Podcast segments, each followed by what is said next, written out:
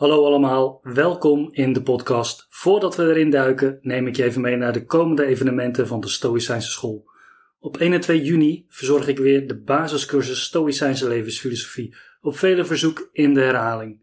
De absolute basis in thema's en begrippen van deze manier van leven. Binnen twee dagen ben jij opgestart. De eerste Stoïcijnse week hebben we achter de rug en de tweede komt eraan in augustus. Heb je dus de afgelopen editie gemist? Je kunt nog een keer ruim aandacht voor de Stoïcijnse filosofie van Epictetus en een keur aan gastdocenten. Heb je de basis wel goed zitten en wil je meer naar de verdieping? In september begint aan de ISVW in Leusden een masterclass Seneca. Ook op herhaling. Vijf weekenden lang de teksten van Seneca in, beter begrijpen en toepassen in je leven. In de tweede helft van 2024 komen nog veel meer mooie zaken aan, dus houd de evenementenpagina van www.destoïcijnseschool.net in de gaten. En dan nu na deze aflevering. In deze serie bestuderen we de colleges van Epictetus van kaft tot kaft. Dit is een fragment van de complete aflevering die exclusief is voor leden van de Stoïcijnse school. Wil je ook lid worden? De link naar de Patreon-pagina staat in de beschrijving van deze aflevering.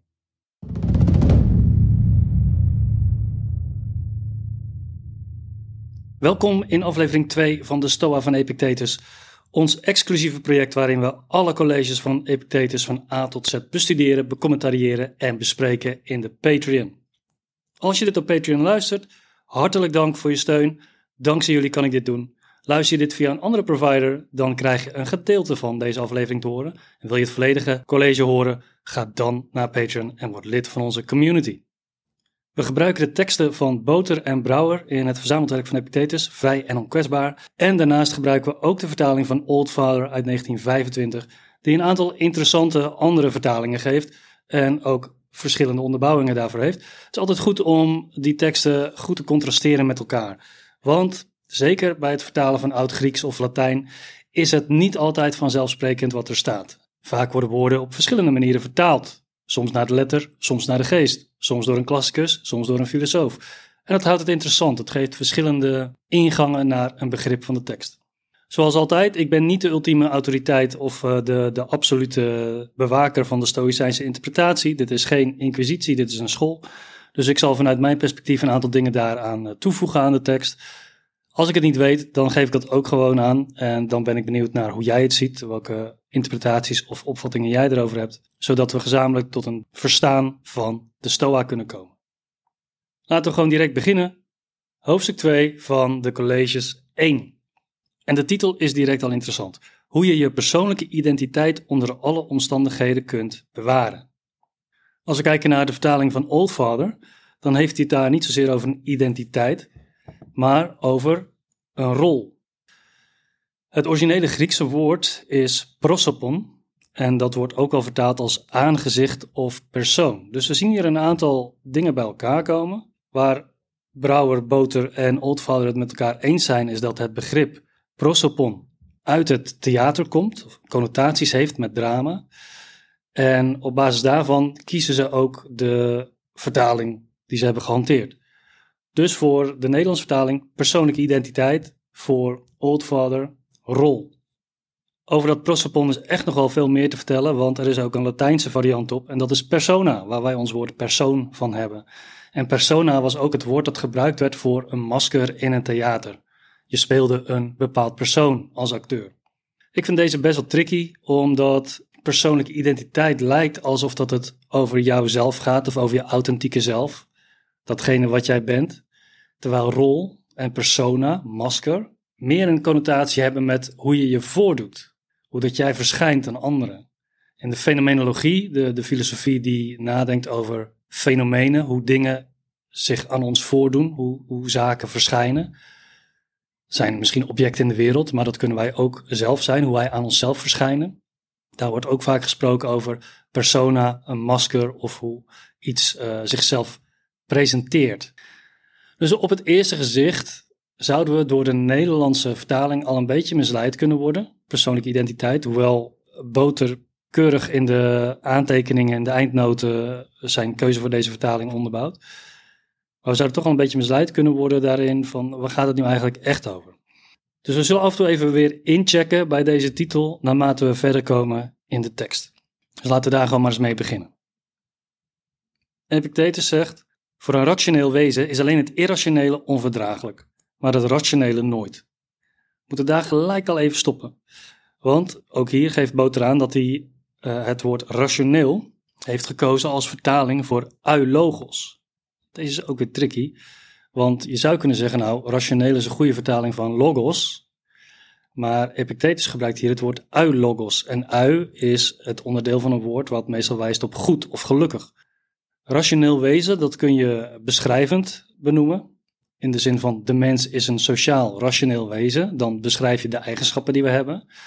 Maar je kan het ook normatief gebruiken, dat een wezen rationeel moet zijn. En het lijkt erop dat Epictetus, als hij het woord eulogos gebruikt, hier dus uh, de normatieve uh, reden of de normatieve ratio gebruikt.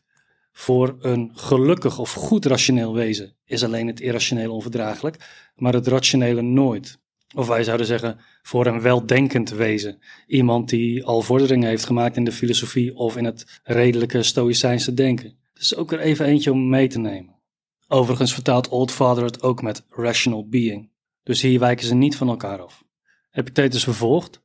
Zo is slaag krijgen niet van nature onverdraaglijk. Iemand vraagt, hoe dat zo? Dat zal ik je vertellen.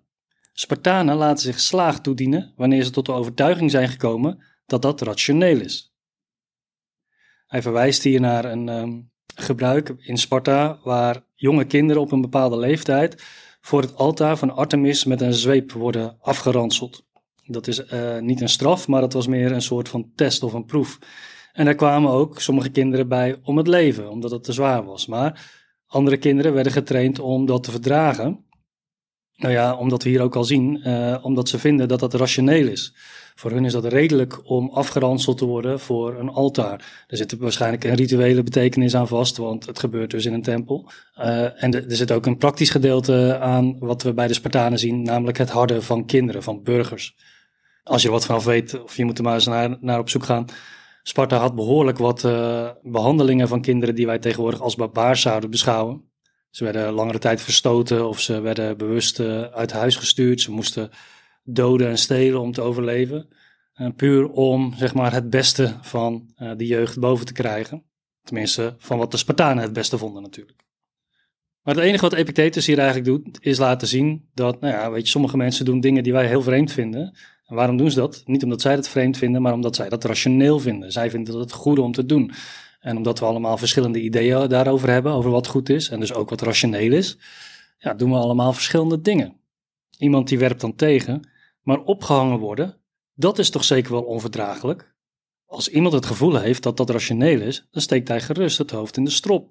Het komt eigenlijk hierop neer. Als we goed opletten, zullen we ontdekken dat de mens door niet zozeer verontrust kan worden als door wat irrationeel is, maar zich aan de andere kant door niet zo voelt aangetrokken als door wat rationeel is.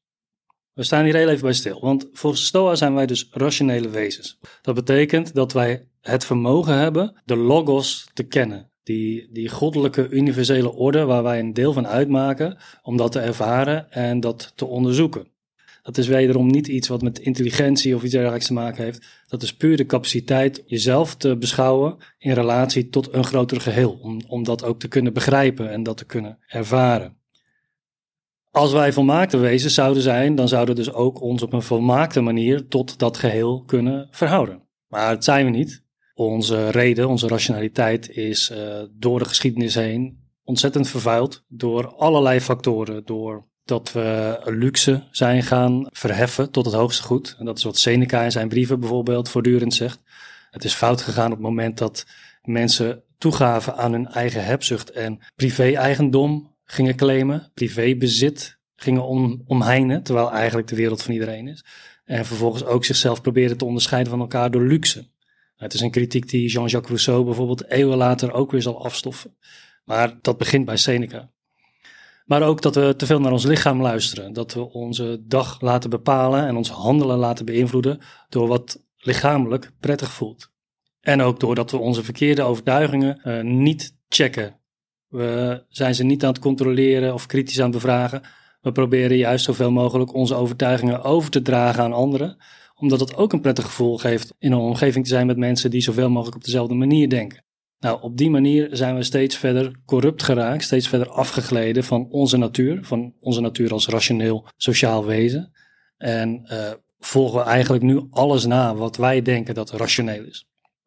Je hebt het gezien met de verkiezingsuitslag. Dat is natuurlijk een feest voor een stoïcijn om naar te kijken hoe mensen daarop reageren. Uh, verdriet, uh, te neergeslagen, het einde van de wereld is aangebroken. Nou, waarom ervaren ze dat zo? Nou, Epictetus zou zeggen, omdat ze dat denken, dat dat rationeel is om links te stemmen, om voor linkse thema's te gaan. Want dat zou toch iedereen, ieder weldenkend mens zou dat toch moeten doen. Wij zijn rationeel en al die anderen die op rechtse thema's stemmen, ja, die, die stemmen waarschijnlijk uit de onderbuikgevoelens of uit emoties of die hebben zich laten betuttelen enzovoort enzovoort. Je ziet hetzelfde gebeuren vanuit het rechtse blok, die niet kunnen begrijpen dat er nog mensen zijn die op GroenLinks of PvdA stemmen en dat volwalging bekijken. Van kijk, die Extinction Rebellion mensen op straat uh, liggen. Dat is toch totaal irrationeel. Die worden alleen maar geleid door hun angsten, door hun onderbuikgevoelens.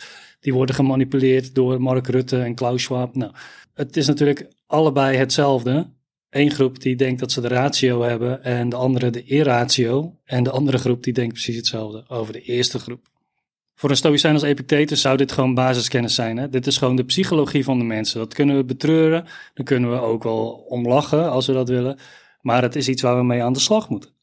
Als we willen begrijpen waarom dat mensen enerzijds collectief hun hoofd in een strop steken of anderzijds collectief voor die strop wegrennen, dan moeten we kijken naar hun overtuigingen en hun ideeën of dat die rationeel zijn. Nou, hij klinkt hier bijna al postmodern als hij naar de tweede alinea gaat, want dan stelt hij, maar niet voor iedereen hebben de begrippen rationeel en irrationeel dezelfde betekenis. Het is er net zo meegesteld als met de begrippen goed en kwaad, nuttig en nutteloos.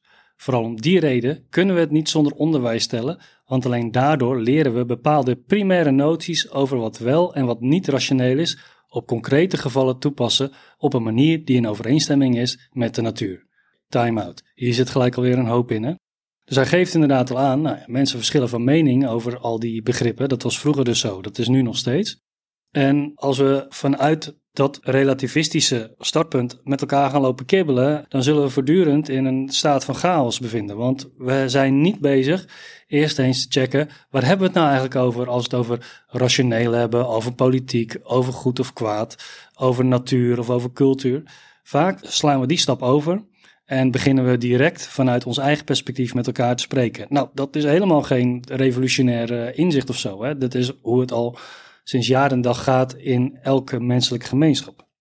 Wat Epictetus hier dus zegt, is niet zozeer van we zijn gevangen in een relativisme, zoals het postmodernisme dat vandaag de dag zou zeggen. Nee, het is wel relatief hoe we denken, hoe we naar verschillende dingen kijken. Maar dat betekent niet dat het relativistisch is. We moeten met elkaar een methode zien te vinden waarmee we onze ideeën kunnen corrigeren, ophelderen, of een methode die ons helpt om met elkaar in gesprek te gaan op een fundamentele manier, zodat we elkaar kunnen helpen uit dat verval, uit de corruptie te komen en weer betere mensen te worden. Nou, je raadt het al, die methode is natuurlijk de filosofie. Dat is het onderwijs waar Epictetus het over heeft. En het mooie is, zegt hij, we hebben ondanks ons verval, uh, ons rationele verval, al de mogelijkheden of bepaalde instrumenten die ons kunnen helpen om goed te kunnen beginnen met het filosoferen. En dat zijn die primaire noties.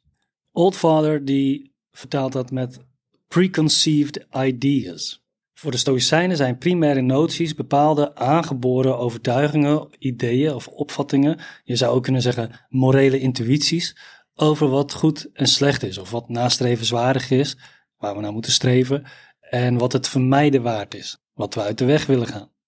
Primaire noties zullen we in de komende colleges regelmatig terug zien komen in verschillende vormen, maar voor nu kunnen we het hierbij houden. Het zijn dus bepaalde aangeboren ideeën.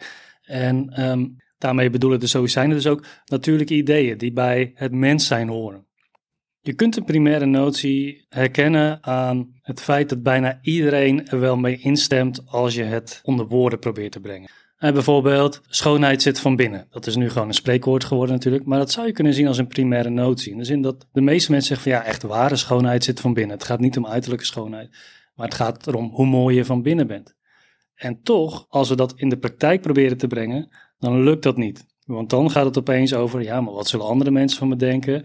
Word ik wel door de juiste mensen uh, leuk gevonden? Dus ik moet me op een bepaalde manier mooi maken als man of vrouw, zodat ik één bepaalde groep wel aantrek, waar een andere bepaalde groep niet. Zoals Epictetus ook zegt, op het moment dat wij onze primaire noties in de praktijk gaan brengen, onze algemene ideeën gaan we toepassen op een concreet geval, dan gaan we vaak stuk. Dan blijkt dat of we er niet echt in geloven, in die primaire noties, of dat het iets ingewikkelder zit, of dat we daarin belemmerd worden door anderen of door onszelf. Nou, laten we hem even vervolgen, halverwege alinea 2. Om dat onderscheid tussen rationeel en irrationeel te kunnen maken, oriënteren we ons niet alleen op de waarde van uiterlijke dingen, maar ook op de waarde van de persoonlijkheid van ieder van ons. Zo is het voor de een rationeel om iemand een pispot aan te reiken, omdat hij maar al te goed beseft dat hij, als hij dat niet doet, op een pak slaag kan rekenen en niets te eten krijgt. Maar dat hij, als hij die pispot wel aanreikt, niets pijnlijks of vervelends te vrezen heeft. Hier zit een kleine clue ook wie zijn publiek zal zijn voor dit college. Waarschijnlijk zijn dat slaven, want het zijn slaven uiteindelijk die dit soort smerige klusjes moeten uitvoeren pispotten aanreiken aan hun meester of meesteres. Die doet daar dus een behoefte op. Die vieze pot moet je weer schoongemaken. Daar zit natuurlijk niemand op te wachten. Maar, zegt Epictetus, voor een één slaaf kan het rationeel zijn om die pispot gewoon aan te reiken. Want als hij dat niet doet, krijgt hij klappen of geen eten. Het is rationeel om geen klappen en, en wel eten te willen. Dus dan reik je die pispot aan. Maar, vervolgt hij, een ander vindt het niet alleen ondraaglijk zelf die pispot aan te reiken, maar kan het ook niet verdragen dat een ander dat doet. Maar, vervolgt hij, een ander vindt het niet alleen ondraaglijk zelf die pispot aan te reiken, maar kan het ook niet verdragen dat een ander dat doet. Hier zit ook weer een belangrijk punt in het stoïcijnse denken over emoties bijvoorbeeld. Iets ondraaglijk vinden of, of daar emotioneel over worden. Dat gebeurt natuurlijk door wat je waarneemt en dat je daar een oordeel aan ophangt van dit is goed of slecht. Maar er zit nog een ander soort oordeelsvorm in. En dat is of dat het gepast is om daar vervolgens boos over te worden of niet. Dus zelfs als jij zelf niet een pispot hoeft aan te geven aan iemand anders, maar je ziet dat iemand anders dat wel doet, kun je dus emotioneel worden, boos, verontwaardigd, omdat je vindt, je bent van oordeel, dat niemand dat zou moeten doen. Zelfs als die persoon dat zelf wel wil. Dus hier zien we ook alweer een klein stukje van het sociale aspect van emoties. Emoties zijn nooit alleen maar persoonlijk individueel, maar vinden altijd plaats binnen een sociale context. Hij vervolgt. Als je mij nu vraagt, moet ik die pispot nu aanreiken of niet? Dan is mijn antwoord dat wel een maaltijd krijgen beter is dan geen maaltijd krijgen. En dat een pak slaag erger is dan geen pak slaag. Dus als je je eigen belang daaraan afmeet, rijk dan vooral die pispot aan. Als je je eigen belang afmeet aan eten en geen klappen krijgen, ja, dan is het zeker rationeel om die pispot aan te reiken. Maar als je je eigen belang aan iets anders afmeet, hoe zit het dan? Epictetus krijgt als tegenwerping: Het is beneden mijn waardigheid om die pispot aan te reiken. Waarop Epictetus zegt: Ja, dat moet jij in je besluitvorming betrekken, niet ik. Met andere woorden, dat zien we ook veel bij Marcus Aurelius. De problemen van andere mensen zijn hun problemen. Niet in de zin van dat ik ze aan hun lot moet overlaten, maar in de zin dat ik niet voor die ander kan bepalen hoe die zich moet gaan gedragen in een bepaalde situatie. Hij of zij moet de afweging maken op basis van de oordelen en de overtuigingen, wat voor hen een gepaste actie is. Daarom zegt hij ook: Jij kent jezelf het best. Jij weet het best wat je waard bent. En jij kent dus ook de prijs waarvoor je jezelf wilt verkopen. Ieder mens stelt zijn eigen prijs vast. Je ziet het bij jezelf, je ziet het bij anderen. Wat is men in staat te doen of op te geven of op te offeren of te betalen voor welk doel? Gaat dat om uiterlijke zaken, zoals veilig zijn, geen pak slaag krijgen? Of betaal je die prijs voor een innerlijke ontwikkeling? Om je innerlijke houding te versterken of je persoonlijke identiteit te bewaren of je rol goed te kunnen spelen als je het in de context van Old Father zou bekijken. We krijgen een voorbeeld, nu niet van slaven die een pispot moeten schoonmaken, maar mensen uit de elite rondom eh, het hof van Nero. Heb ik steeds verteld? Dat is ook de reden waarom Florus, toen hij zich afvroeg of hij naar de Nero-feesten moest gaan om daar een bijdrage aan te leveren, van Agrippinus het antwoord kreeg: Dat moet je doen. Toen Florus hem daarop vroeg: Waarom ga jij er dan niet heen? Was het antwoord van Agrippinus: Het komt niet eens bij me op. Inderdaad, zodra je eenmaal bij zulke uiterlijke dingen begint te wikken en te wegen, zal ik wel of zal ik niet, dan heb je bijna al van je eigen identiteit afstand gedaan. Hier zit ook zo'n historische context in, want die Nero-feesten, dat waren vaak theaterstukken die door Nero werden georganiseerd, waarin hij mensen uit de elite verplichtte of opdroeg om een rol te spelen in de stukken. Agrippinus zijn we natuurlijk al tegengekomen in het vorige hoofdstuk. Dat was die man die verbannen werd door Nero en uh, daar behoorlijk laconiek mee om kon gaan. En we zien het hier dus ook, dat hij uh, redelijk relaxed doet over die Nero-feesten. Maar wat zegt Epictetus hier ook? Als je gaat wikken en wegen over uiterlijke dingen, dus dingen die buiten je macht liggen, ja, dan heb je al bijna van je eigen identiteit afstand gedaan. Van wie je bent of wat je bent. Van je persoon, van je aangezicht, je prosopon.